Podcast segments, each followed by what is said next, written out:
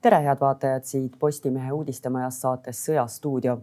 Venemaa korraldas Ukrainale nädalavahetusel taas mitmeid raketirünnakuid, mis kulmineerusid kümnete tsiviilisikute surmaga.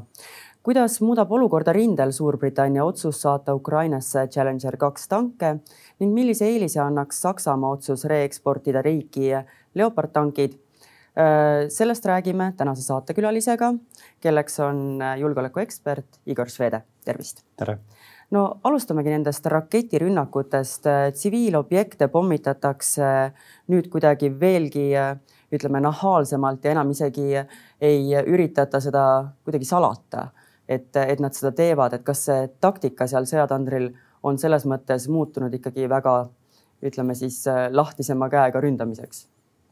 nojah, see on nüüd jätkunud teatud aja, et Vene ebaedu rindel nad püüavad kompenseerida seda sellega et ründavad siis Ukraina rahvast, Ukraina rahva taristut, nende linnu ja väga palju ka tsiviilobjekte, mis üldse ei puutu ei sõjaliste objektide hulka ega tegelikult ka energiataristu hulka ja see, mis juhtus nüüd siin paar päeva tagasi, on ikka kohutav näide jälle sellest, kuidas äh, väga võimsaid relvi kasutatakse tsiviilobjektide pihta ja selle tagajärjel surevad süütud inimesed.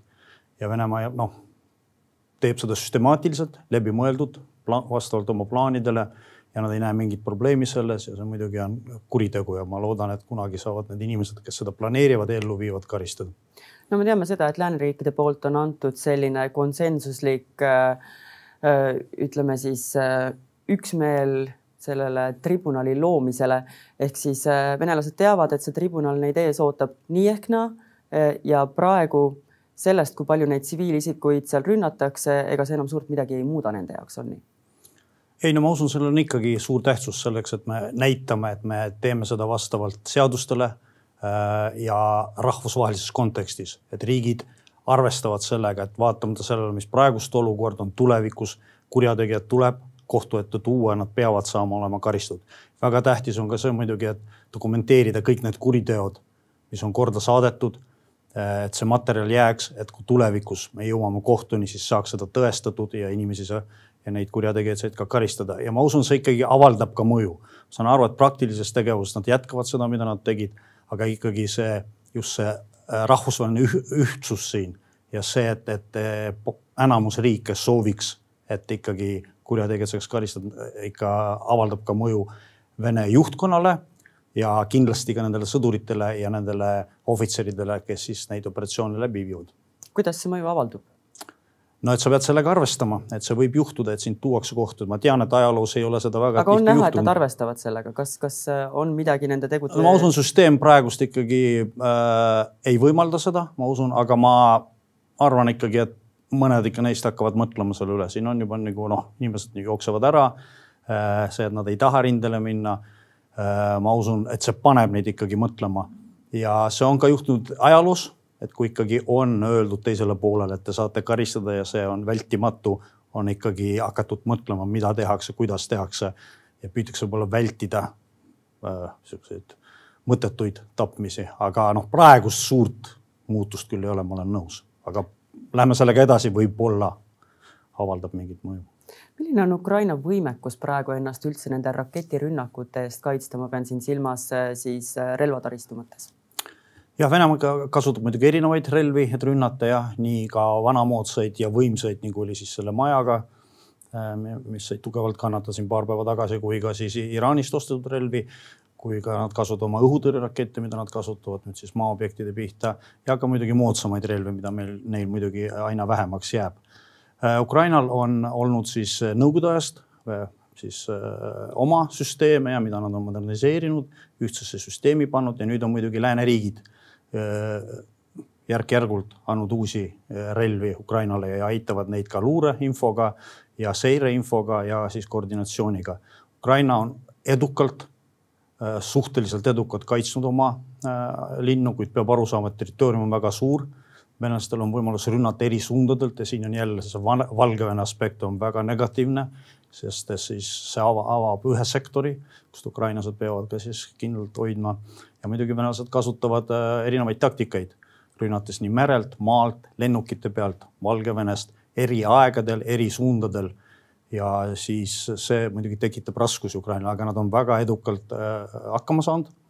loodame, et uued tarned, mis tulevad NATO riikidest, suurendavad veelgi Ukraina võimekust alla võtta Vene relvi, nii et ma usun, siin on paremuse poole asjad liiguvad, et Ukraina suurendab oma võimekust ja saab paremini hakkama siin valdkonnas. kui hoolika vajaduspõhise kaalutluse põhjal neid relvi Ukrainale saadetakse, kas täidetakse eh, kõik nende soovid võimaluste piires või saadetakse ikkagi relvi, mis on erinevatel lääneriikidel endal võimalus saata, et et nende enda riikide siis kaitsevõimekus selle arvelt ei langeks? ei no ma usun ikka see koordinatsioonisüsteem on võimaldanud selle, et arvestatakse seda, mida on Ukrainale vaja ja just siis konkreetsel ajahetkel või konkreetsel ajavahemikul. Noh, muidugi tuleb arvestada, mida sul on ja mida sa saad ära anda, aga ikkagi see koostöö on äh, väga hästi koordineeritud. Äh, seda nüüd see nädal toimub järjekordne kohtumine. muidugi siis lääneriigid ka hindavad seda olukorda rindel ja vaatavad, mida Vene pool teeb ja siuksed rünnakud tsiviilobjektide vastu muidugi võimaldavad paremini seletada oma riigis ära lääneriikidele, et oleks vaja võimsamat relvastust anda ja paremat relvastust.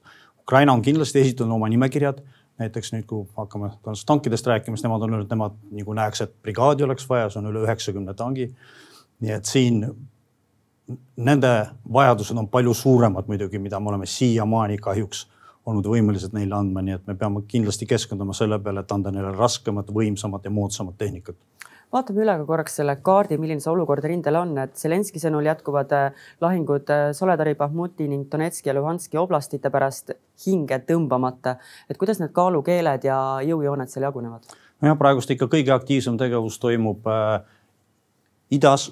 jah, see on siis Bahmut äh,, Solidari ümber, noh, Solidar Vene pool on väitnud, et nad on selle ära võtnud, kuidki lahingud veel käivad äärelinnades sama on siis Le Mans Kremina juures, siin on ka aktiivsed taktikalised lahingud käivad, siis Kupjansk, see on siis rohkem kirde pool siin.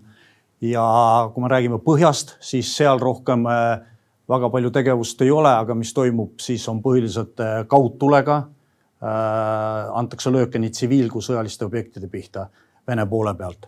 sama toimub muidugi ka teistes piirkondades, nii Kirdes kui ka läänes ja lõuna pool on ka põhiliselt siis kaudtulega tegevus ja ukrainlased siis kaitsevad, on suht edukalt taktikalisel tasemel tagasi löönud Vene rünnakuid.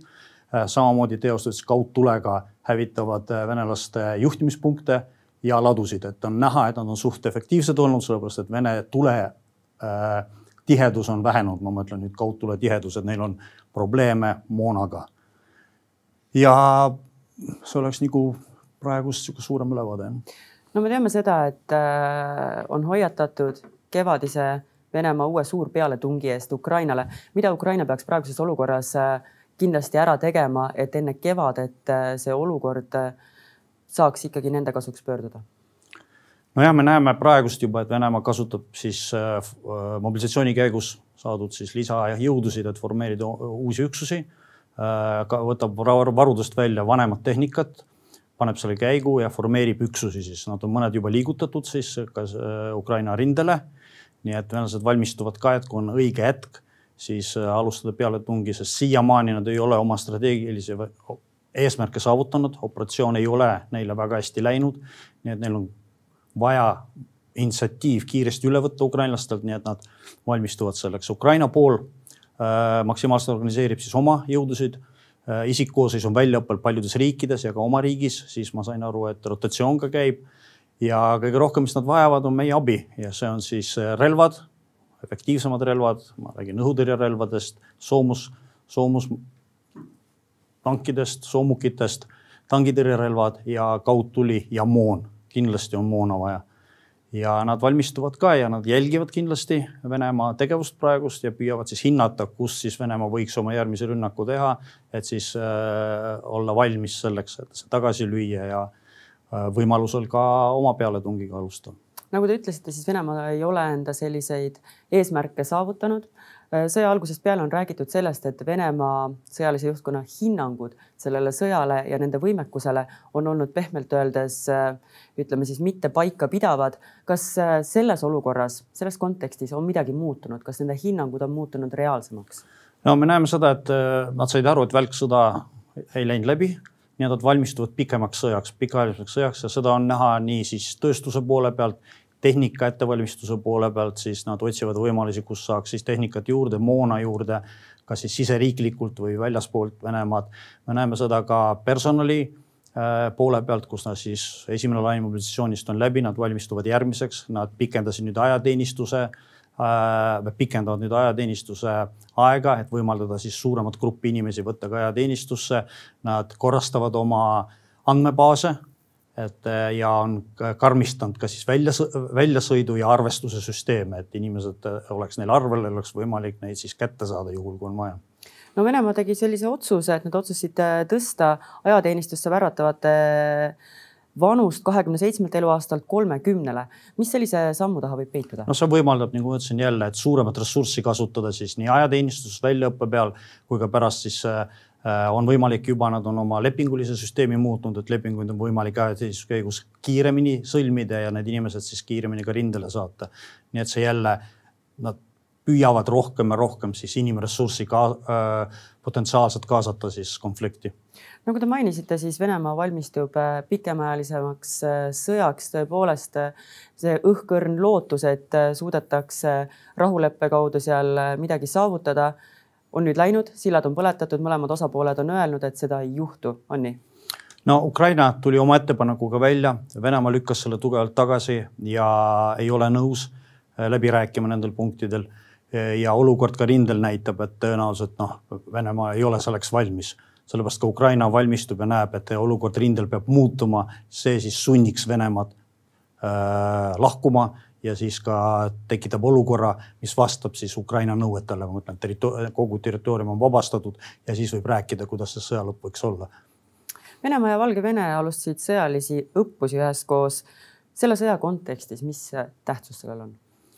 no Valgevene äh, noh, ma alustaks selleks, et see näitab veel kord, et Valgevene on tihedalt seotud Vene agressiooniga. me näeme, et on palju rohkem praktilisi samme tehtud selleks, et aidata Venemaad praktiliselt sammud sõjalises koostöös, nüüd on nüüd see õhutõrjeõppus või õhuväeõppus, planeerivad ka teisi õppusi läbi viia. Äh, me näeme ka seda, et Valgevene on muutunud siis niisuguseks natuke äh, kohaks, kus Venemaa saab rahulikult välja õpetada oma mobiliseeritud personali, formeerida üksusi, ukrainlased ikka püüavad mitte rünnata Valgevene territooriumit. venelased kasutavad sealt tehnikat, moona, et see on niisugune nagu peidukohaks jäänud ja ta potentsiaalselt on kogu aeg ka suund, mille pealt nad võivad vajadusel Äh, alustada uut rünnakut. praegust me ei näe, et seal oleks piisavalt üksusi ettevalmistatud selleks, aga see potentsiaalne oht on kogu aeg olemas ja Ukraina peab sellega arvestama. ja muidugi viimane, et tulelöögid, mida siis ka korraldatakse äh, Valgevene territooriumilt. nii et tihe koostöö ja, ja Valgevene on koos Venemaaga agressorid selles sõjas nii et Lukašenka, kes äh, seni üritas ikkagi äh, flirtida nii-öelda mõlema osapoolega, nii Venemaaga kui lääneriikidega, on äh, tänaseks Putini poolt nurka surutud. ma arvan küll jah, ja ma, ma, Lukašenka on väga raske minna tagasi lääne poole ja nagu flirtida jälle läänega, kõik on väga hästi aru saanud, ta on paljastanud oma palge peale seda, mis ta tegi oma positsiooni ja protestidega, nüüd ta on ka sõjaliselt Vene poole peal ja aitab kaasa sellele agressioonile Briti peaminister Rishi Sunak kinnitas äh, kõnes Ukraina presidendi Volodõmõr Zelenskiga esimest korda, et Suurbritannia kavatseb anda väikse arvu Challenger kaks äh, tanke äh, Ukrainale. mida see tankide, ütleme siis tarne Ukrainale muudab praeguses olukorras, teades, et need on nüüd esimesed sellised lahingumasinad või esimesed tankid, mis jõuavad Ukrainasse lääneriikide poolt? ma usun, see on väga tähtis samm. me Briti valitsus astus väga samm, tähtsa sammu, see on sümboolne, samas on ka väga praktiline. me loodame, et see paneb teisi riike mõtlema. siin kõige suurem huvi on see, et Saksamaa muudaks või äh, tuleks välja uue seisukohaga, sest selle taga on nii Saksamaa abi kui ka teiste riikide abi, kes on valmis Saksa tehnikat, väga moodsaid tanke Ukrainale andma. nii et ma arvan, see on väga tähtis, on ajastus on päris hea, sellepärast et see nädal toimub panustamise konverents ja ma usun, et Suurbritannia juhtimisel meil õnnestub muuta mitme riigi seisukohta, et ikkagi vajalik relvastus õigel ajal ja vajalikus mahus jõuaks Ukrainasse, et nad saaks tagasi lüüa selle agressiooni. ka meie vestlusest on täna läbi käinud see sõna üksmeelsus lääneriikide poolt. kui üksmeelne see läänemaailm praegu ikkagi on äh, Ukraina toetamise osas? no ma ikkagi hindaks, et üldiselt me oleme üksmeelsed. nüüd, kui läheb praktilisteks asjadeks, siin on natuke erimeelsusi, aga keegi pole blokkinud, nii et kui sul on või grupil riikidel on vajadus abistada rohkem või nad näevad, nad saavad seda teha, sest seda on võimaldatud. nii et äh, me kindlasti peame jätkuvalt töötama, et see ühtsus suureneks ja äh, väljenduks rohkem praktilistes sammudes, praktilistes tegudes ja jälle raskem, moodsam ja rohkem. üldjoontes üksmeelne, aga kus on vajakajäämisi? No vajakajäämine sama, ma usun, see on see abistamine, praktiline abistamine, et, et, et mida me anname, kui palju me anname ja teine muidugi sanktsioonid, et äh, maksimaalselt ikkagi suurendada neid ja jälgida, et neid täidetakse ja vaadata kõik need äh, kõrvaleviilimised, mida Venemaa siis teeb, et need ka kõik kõrvaldada. et see sanktsioonide pakett, see on tööstussõda praegust kahe ploki vahel, et me ei tohiks lubada, et Venemaa saaks äh, ressurssi oma sõja jätkamiseks, samaaegselt me peaks andma oma poolt ressurssi tehnikas, rahas, toetuses Ukrainale. algaval Davosi majandusfoorumil on samuti Ukraina sõda peamine teema. Äh, kui oluline on see, et äh, seda sõda peetakse meeles kõikvõimalikel tasanditel, tegemist ei ole ainult äh, selle konkreetse sõjalise agressiooniga Ukraina pinnal, vaid tegelikult on ju vaja selle sõjaga võidelda erinevatel tasanditel. jah, ma usun, see on väga tähtis, et Venemaa saaks ka aru jah, et see ei ole mingi väike osa konfliktist, vaid igal tasemel, igas valdkonnas lääneriigid toetavad Ukrainat ja teevad kõike, et Venemaa ei saaks mingitki võitu ükspuha mis valdkonnas, ma räägin siin poliitilisest, majanduslikust ja sõjalisest. Ja see on väga positiivne, et sihukesel tasemel tuleb arutelu, riigid vaatavad, ma saan aru, et nad muidugi peavad hindama see, seda üldist majandusolukorda ja siis äh, valima kõige paremad teed selleks, et leida ressursid, äh, et aidata Ukrainat. no Ukraina sõda on äh, väga drastiliselt tõstnud elukallidust ja kogu aeg rõhutatakse, et tegemist ei ole kolmanda maailmasõjaga, aga mida enam see probleem süveneb, seda rohkem on erinevad riigid sellest sõjast ikkagi mõjutatud. kas võib juba öelda, et tegelikult ikkagi nii palju, kui need riigid saavad mõjutatud, siis ühel hetkel me peame rääkima kolmandast maailmasõjast? no see võib olla natuke karm terminoloogia, aga sisuliselt praegune mõju laieneb mitte ainult konfliktis osalejatel riikidel, mitte piiriäärsetel riikidel, mitte ainult ütleme Lääne-Venemaa vastasseis, mõjutatud saavad riigid üle maailma. me võime siin rääkida tooraine tooraine kättesaadavus, tooraine ahelad, kuidas see kõik liigub, tarneahelad on muutumas, majandushinnad nii toorainele, relvadele. et see avaldab suurt mõju ja muidugi ka see üldine olukord, et sõda on jälle käimas. et äh, Venemaa on agressor ja me jälle oleme võimaldanud veel lasknud sellel juhtuda ja inimesi tapetakse ja meil on raskusi selle lõpetamisega. ma usun, see aspekt on ka suurt tähtis. nii et äh, see on suur konflikt, ma ütleks niimoodi ja me peame võtma seda kui suurt konflikti, kui suurt vastasseisu ja ka vastava ressursi selleks eraldama. kas Ukraina sõda hoitakse piisavalt fookuses, et väga palju siin öö, pool aastat pärast sõja algust räägiti sellest, et kõige ohtlikum on see, kui inimesed selle sõjaga ära harjuvad, et sellest tuleks kogu aeg rääkida, seda tuleks hoida kogu aeg teemaks number üks. no minu hinnangul vaatamata sellele, et meil on teised tähtsad probleemid ja olmeprobleemid ja teised nagu poliitilised probleemid riikidel, see tähelepanu on olnud ikka väga hea. ja siin on suur roll olnud poliitikutel muidugi, äh, NATO-l, Euroopa Liidul, aga pressil. et äh, noh, vaadates seda kajastuse hulka, mis toimub, noh, mis on näiteks BBC-s, CNN-is ja teistes kanalites, see on ikkagi märkimisväärne, ta ei ole ära kadunud vaatamata sellele, et noh, riikidel on seal oma jälle poliitilised äh, probleemid või majanduslikud, et see tähelepanu keskus on ikkagi olnud ja muidugi ka see, et paljud tavainimesed on väga palju energiat pühendanud selle peale sotsiaalmeedias äh, kajastada seda, rõhutada seda, tuua erinevaid aspekte välja.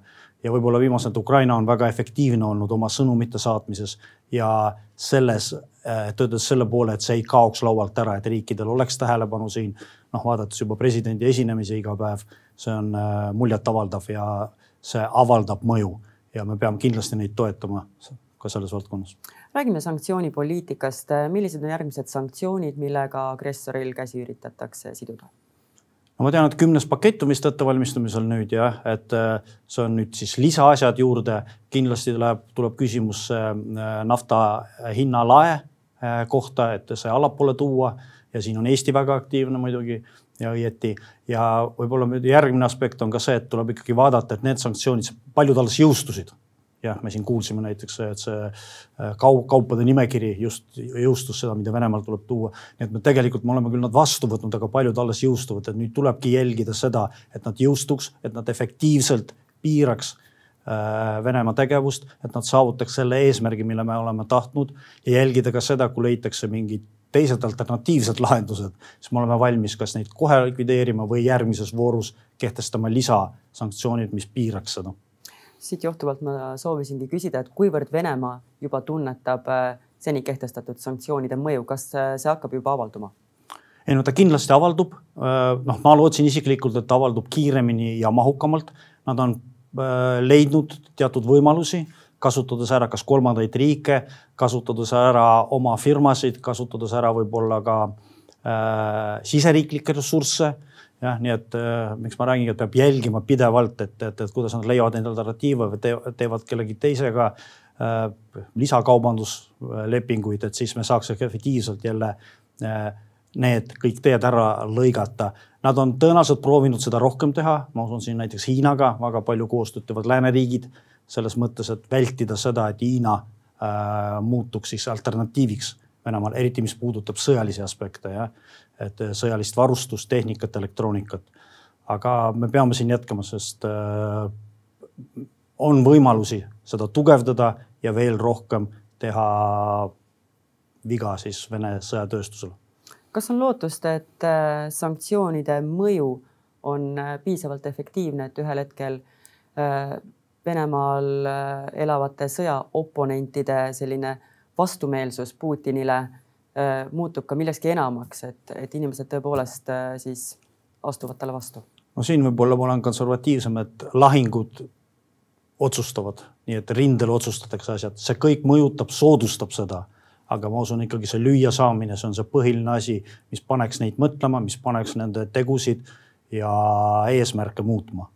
aga kindlasti nii see sotsiaalne pool äh,, infoväli ja ka muidugi majandus soodustavad seda, nii et me kindlasti kõiki aspekte peaks nagu katma, aga põhitegevus peaks või põhimuutused äh, toob kaasa selle, et ukrainlased võidavad rindel.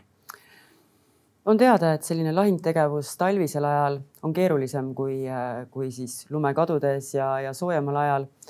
mida me lähikuudel võime Ukrainas näha? Mis, mis seal ootab praegu ees? no lähikuudel me praegust näeme juba, et Vene, Vene väed kasutavad ära, kui on äh, vähegi maa külmunud, siis nad püüavad edasi minna, kasutavad ka soomustehnikat. sest et äh, kui maaelu külmunud, siis see annab eelise ikkagi kaitsjatele.